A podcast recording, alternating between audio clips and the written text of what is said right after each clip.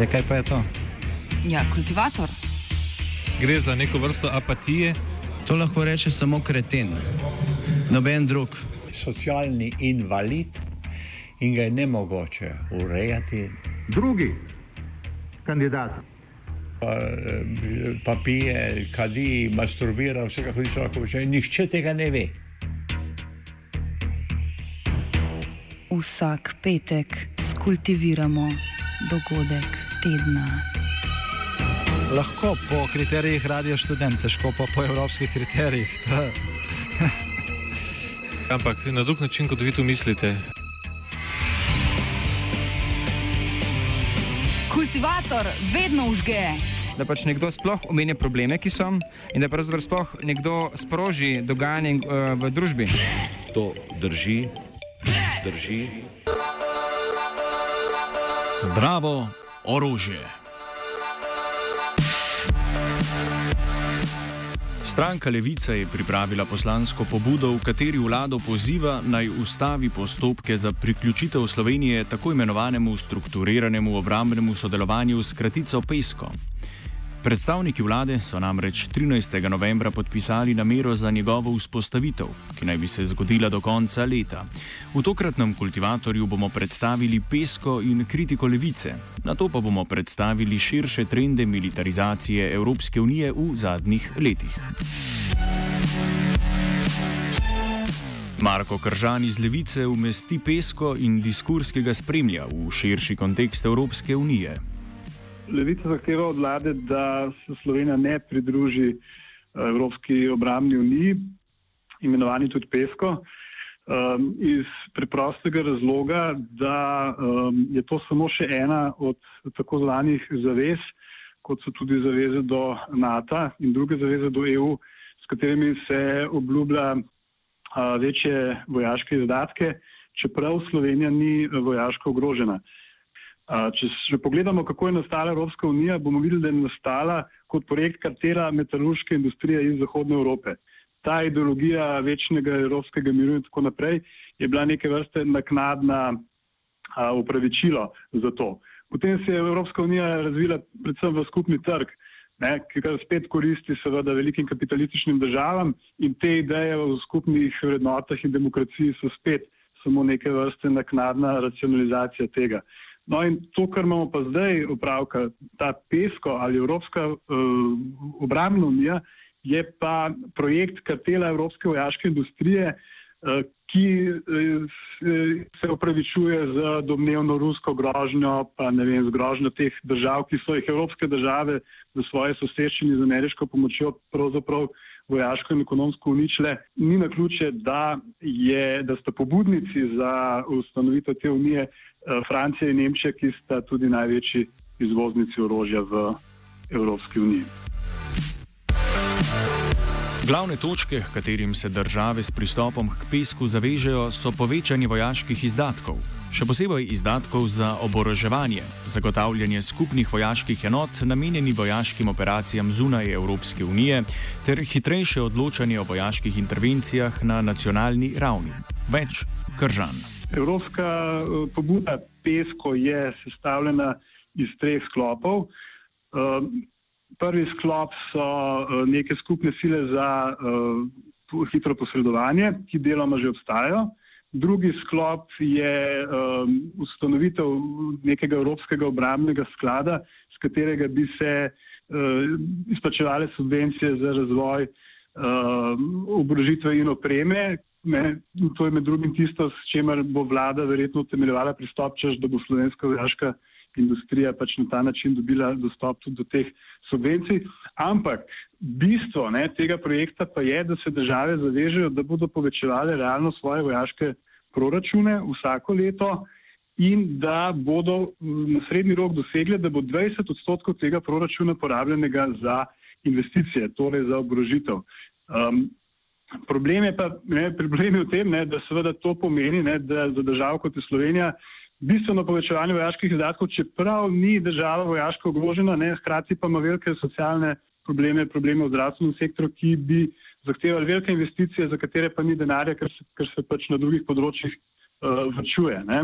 Um, zdaj, če, če bi Slovenija teh, prišla do tega cilja 20 odstotkov, ne, zato bi morala pač to pomenili, ne, recimo proračunu, ki bi dosegel enih 600 milijonov, uh, že izdatke kot je 120 milijonov evrov za, za, samo za oborožitev. Um, za primerjavo, ne, pri nas bo leta 2019 vse bolnice investiral proračun 26 milijonov evrov, ne, kar pomeni, da so to um, da so predpostavljene investicije v obrožitev ogromna sredstva.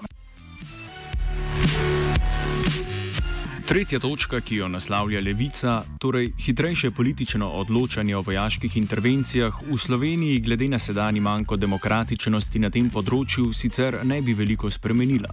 Razloži Kržan. Ta točka pomeni preprosto to, da so uh, vojaškim in birokratskim strukturam, ki odločajo o oboroževanju po uporabi vojaških enot, uh, postali demokratični postopki um, odveč in jih ovirajo. Um, zdaj, um, poznamo države, kjer imajo visoke demokratične standarde, recimo Evropo, kjer mora vsako napotitev vojske na vojaško operacijo tujino odobriti parlament, kar je normalno, ker ponovadi parlament um, odobri uporabo vojske tudi na lastnem ozemlju. Ne? In uporaba vojske je uporaba vojske, ne glede na to, ki jo pač uporabiš.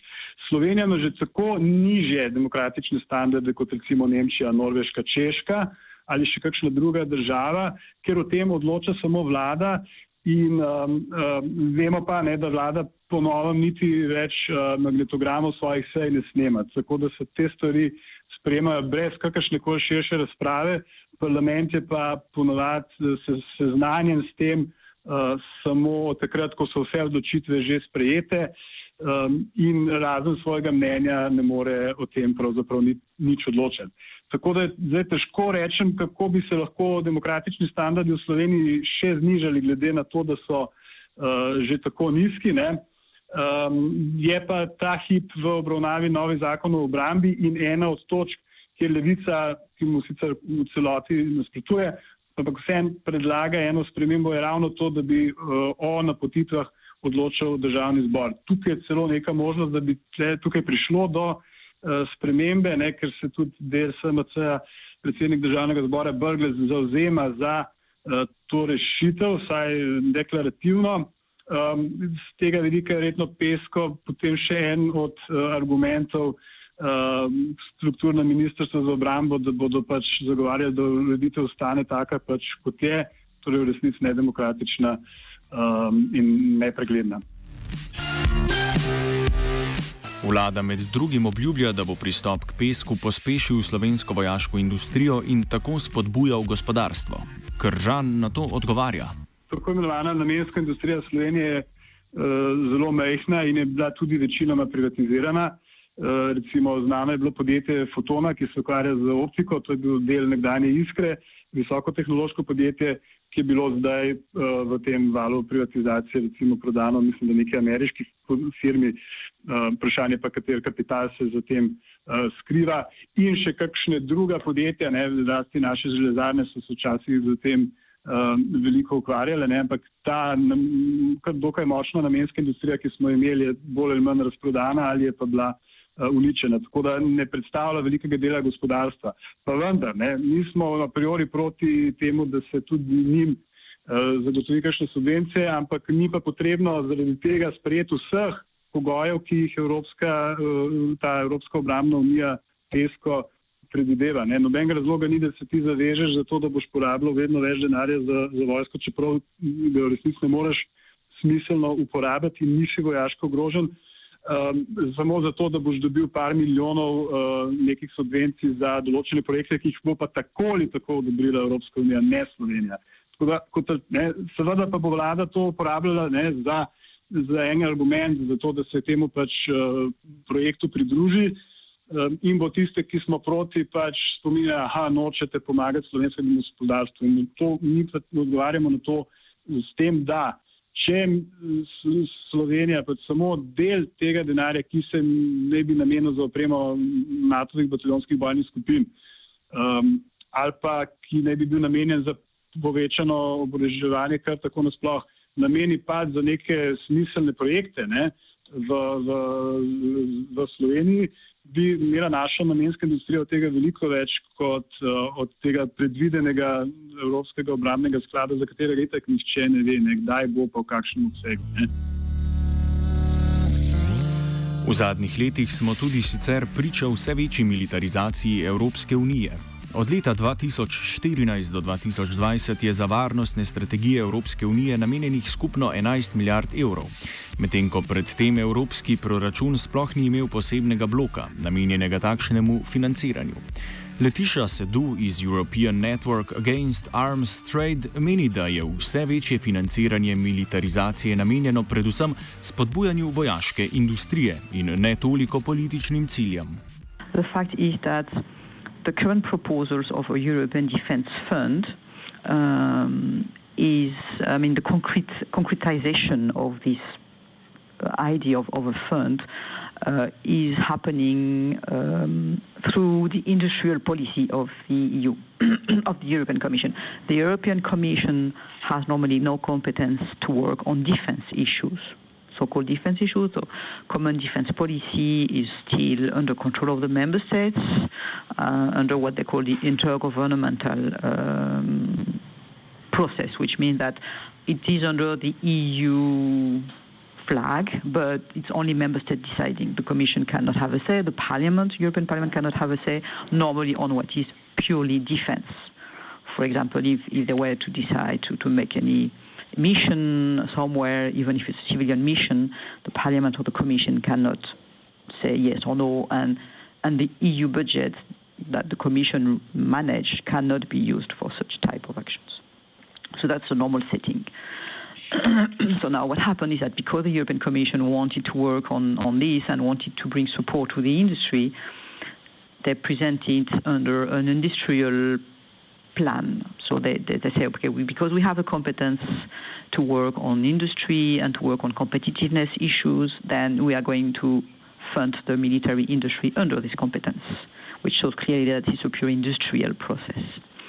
That's the first point that shows it. And in parallel, there is no real political vision, no, no, no real um, yeah, guidance politically about what Europe should do with those capabilities, or uh, whether it should be, uh, yeah, maybe choose, for example, that we need this type of weapons or this type of boats or of tanks and not this type.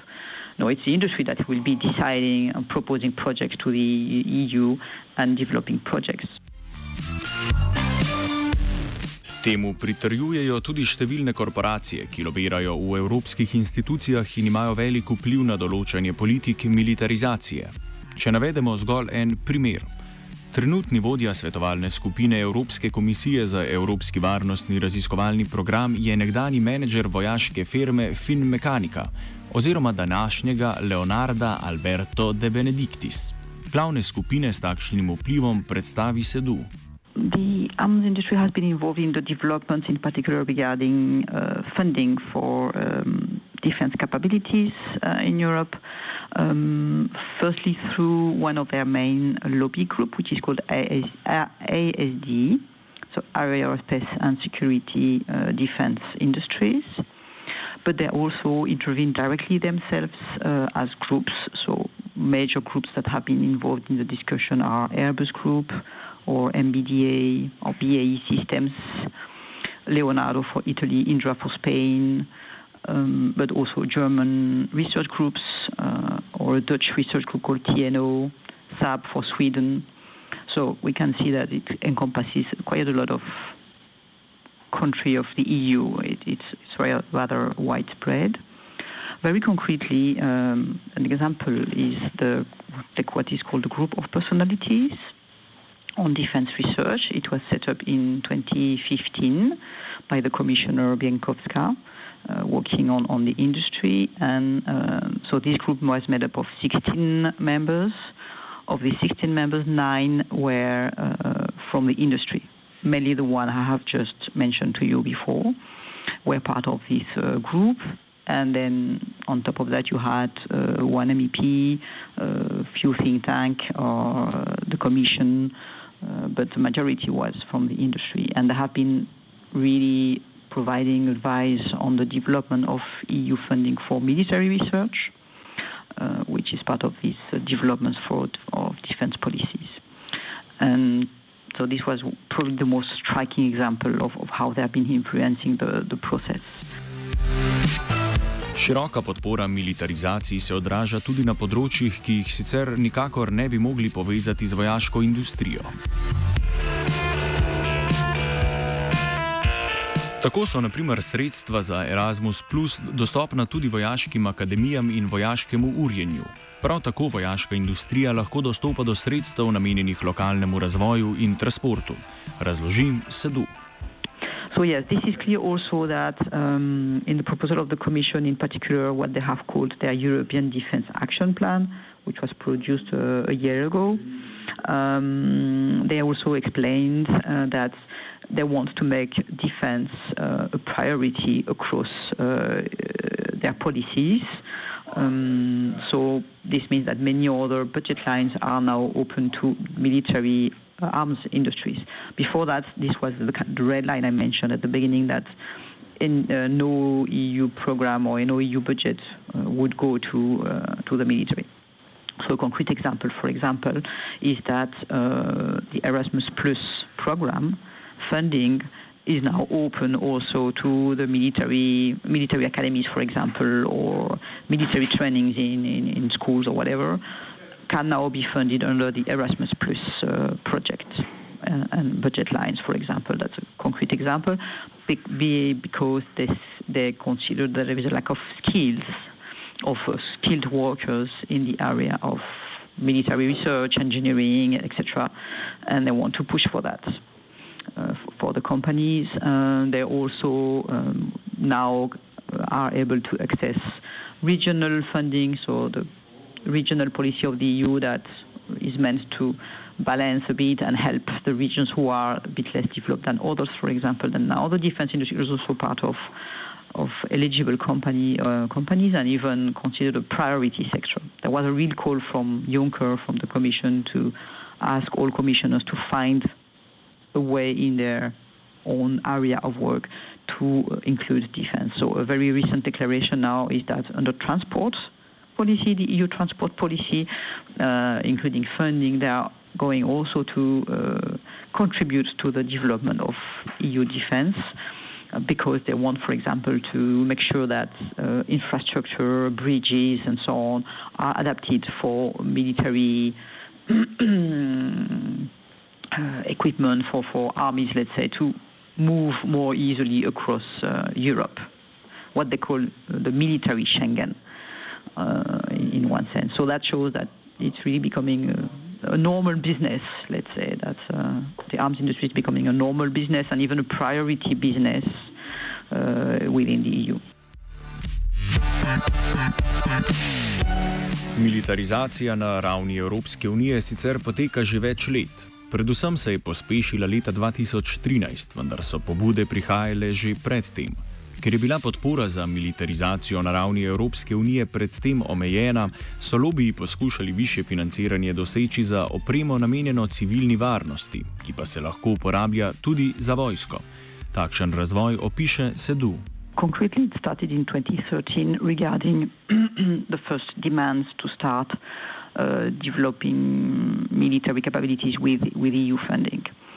However, even before that, the, what is called the security and defense industry officially, because many of those groups I have mentioned do not only produce military equipment as such, but also security equipment in a broader sense, and including civilian uh, material like Airbus, for example, would also provide civilian aircrafts. So this means that even before 2013, there were already a lot involved in advisory groups to the EU about civilian uh, aspects, and then they started already in 20, 2003 or 2004 to push for funding for, for the military. Because they could not get that at that moment, because there was still quite a strong opposition for this move at EU level, they started to ask for more funding on security, more for internal security, home affairs security, for example. And then they made this move, which was not military but still considered as civilian. Then they have also managed to uh, open the gate to what is called dual use uh, activities or equipments, which means material that can be both for civilian application under security, for example, but then can also be used for the military. So under this excuse that it would focus only on the civilian aspect of dual use equipment, material or approach, they also managed to get a bit. So they have been like pushing the door slowly because from one day to night it was too difficult to get it. So it's indeed a kind of long process and a long-term strategy over a decade from the security and military industry or arms industry. Leta 2013 je Evropski parlament potrdil prvi predlog financiranja raziskovanja za vojaške potrebe. Nadaljni razvoj predstavi SEDU. Then, more concretely, in 2013, a first small project was developed and adopted by the parliament uh, to start funding military research, and that's how it started again. Then they have adopted a pilot, uh, what they call a preparatory action, so it's all kind of testing projects in 2016, and now, so you see that have been kind of gradation or progress of making proposals bigger and bigger. Um, and then, because of all, all these successes, the European Commission could present a more formal European Defence Action Plan, where it had proposed to really establish a formal European Defence Fund uh, to fund both uh, research and development of military equipment. So both the, the kind of basic research part and then the development part, which is which means producing prototypes, feasibility study, and all these kind of things under a European Defence Fund. So these have been kind of major steps taken. So now the situation is that both the Parliament and the Member States will have to make decisions and accept formally the proposals of the Commission to start uh, funding with quite big budgets uh, the military research and development of, of equipment. Danes je Evropski parlament financiranju vojaške industrije v veliki meri naklonjen, kar ni veljalo vselej. K spremembi splošnega mnenja je veliko prispeval diskurs ruskega ogrožanja in nevarnosti terorizma od začetka migranske krize. Razloži Sedu. So regarding the European Parliament, there has been indeed a kind of evolution linked to different um, factors, I think. Um, for long, there, has, there is in the parliament what is called a, an intergroup, a kind of informal working group, let's say, which is uh, made up of industry from security defense. It's called the Kangaroo Group, and also a number of deputies of MEPs. And this group has been behind all this, this, this move for, for very long. At the beginning, as I said, in back in the 2003-4, um, there was still a very strong uh, majority of MEPs who would oppose the EU uh, to directly act in military. The EU, in the sense of the EU budget, the budget that the Parliament and the Commission can really control. Um, and so there was a really kind of strict red line that uh, is based on the treaty of the EU, saying that normally the European community budget, let's say, cannot be used for military activities. Um, so they could not go through that. There have been a, I would say, probably a kind of long-term discrete work of a small group of MEPs who were in favor of, of getting rid of this red line in parallel with an international context uh, of, of growing perceived threats whether they're real or not is much more complicated, another debate, but there is this idea of, of, of a general threat in the world and international turmoil and terrorism and Russia becoming stronger, etc., that has a lot influenced the internal debate in the parliament. Uh, and this feeling that there was a need to develop further military capabilities. So I think this is these two trends in parallel with the discrete work of some MEPs and, and this international context that has been making the move change. So now the position is that so far a majority of the parliament is in favor of this move. Po drugi strani Evropska unija skuša migranski tok omejevati s posredovanjem v državah, iz katerih prihajajo migranti. V tako imenovanem instrumentu stabilnosti in miru tako naprimer piše, da je za stabilnost v takšnih državah potrebno okrepiti vojsko. To je po mnenju Sedu prav tako voda na mlin vojaški industriji. regarding the example of, of uh, how they are trying to, to um, they are influencing all the policies. I mean, I forgot to mention that there is another one that is including in external aid, development, uh, peace, uh, peace building uh, activities. They are also entering into that. So it was very interesting to see that there was um, an internal newsletter of this ASD, uh, ASD group that I mentioned at the beginning, who was saying that they were looking for business opportunities in the EU uh, funding for external actions, including development, stability, and so on.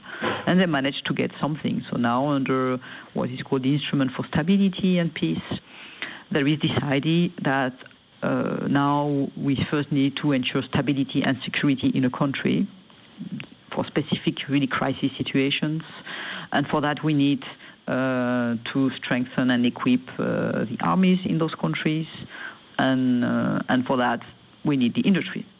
So the industry managed to convince that they have the solutions to um, ensure security and stability in crisis situations. Primer poskusa zamejevanja prihodov migrantov v Evropsko unijo je transformacija Agencije za varstvo mej, imenovane Frontex, v tako imenovano Evropsko mejno in obaljno stražo. Spremembe razloži Chris Jones iz organizacije State Watch. At the most basic level, it got a lot more money and a lot more staff. Um, I don't have the exact figures to hand right now, but it's in the process of implementing these changes. Um, It also gives the agency a greater role in returning people from the European Union to their countries of origin, um, in organising joint deportation flights and so on.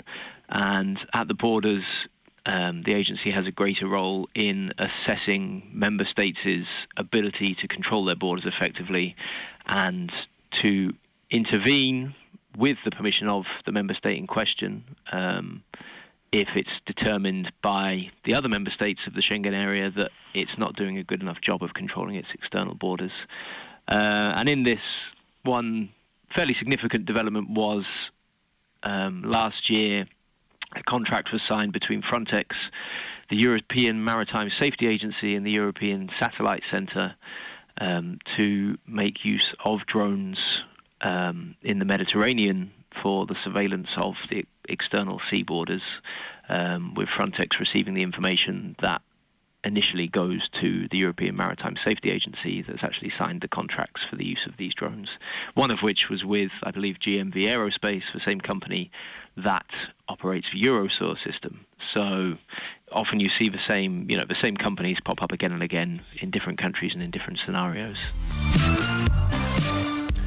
Med leti 2004 in 2014 vrednost licenc za prodajo orožja v državi Bližnjega vzhoda in Severne Afrike, ki so jih potrdile države članice, znaša 82 milijard evrov. Medtem ko Evropska unija torej imigransko krizo poskuša reševati z vse večjo militarizacijo, hkrati vojaška industrija služi tudi s prodajo orožja državam, ki imigransko krizo stopnjujejo. Kultivirala je zala.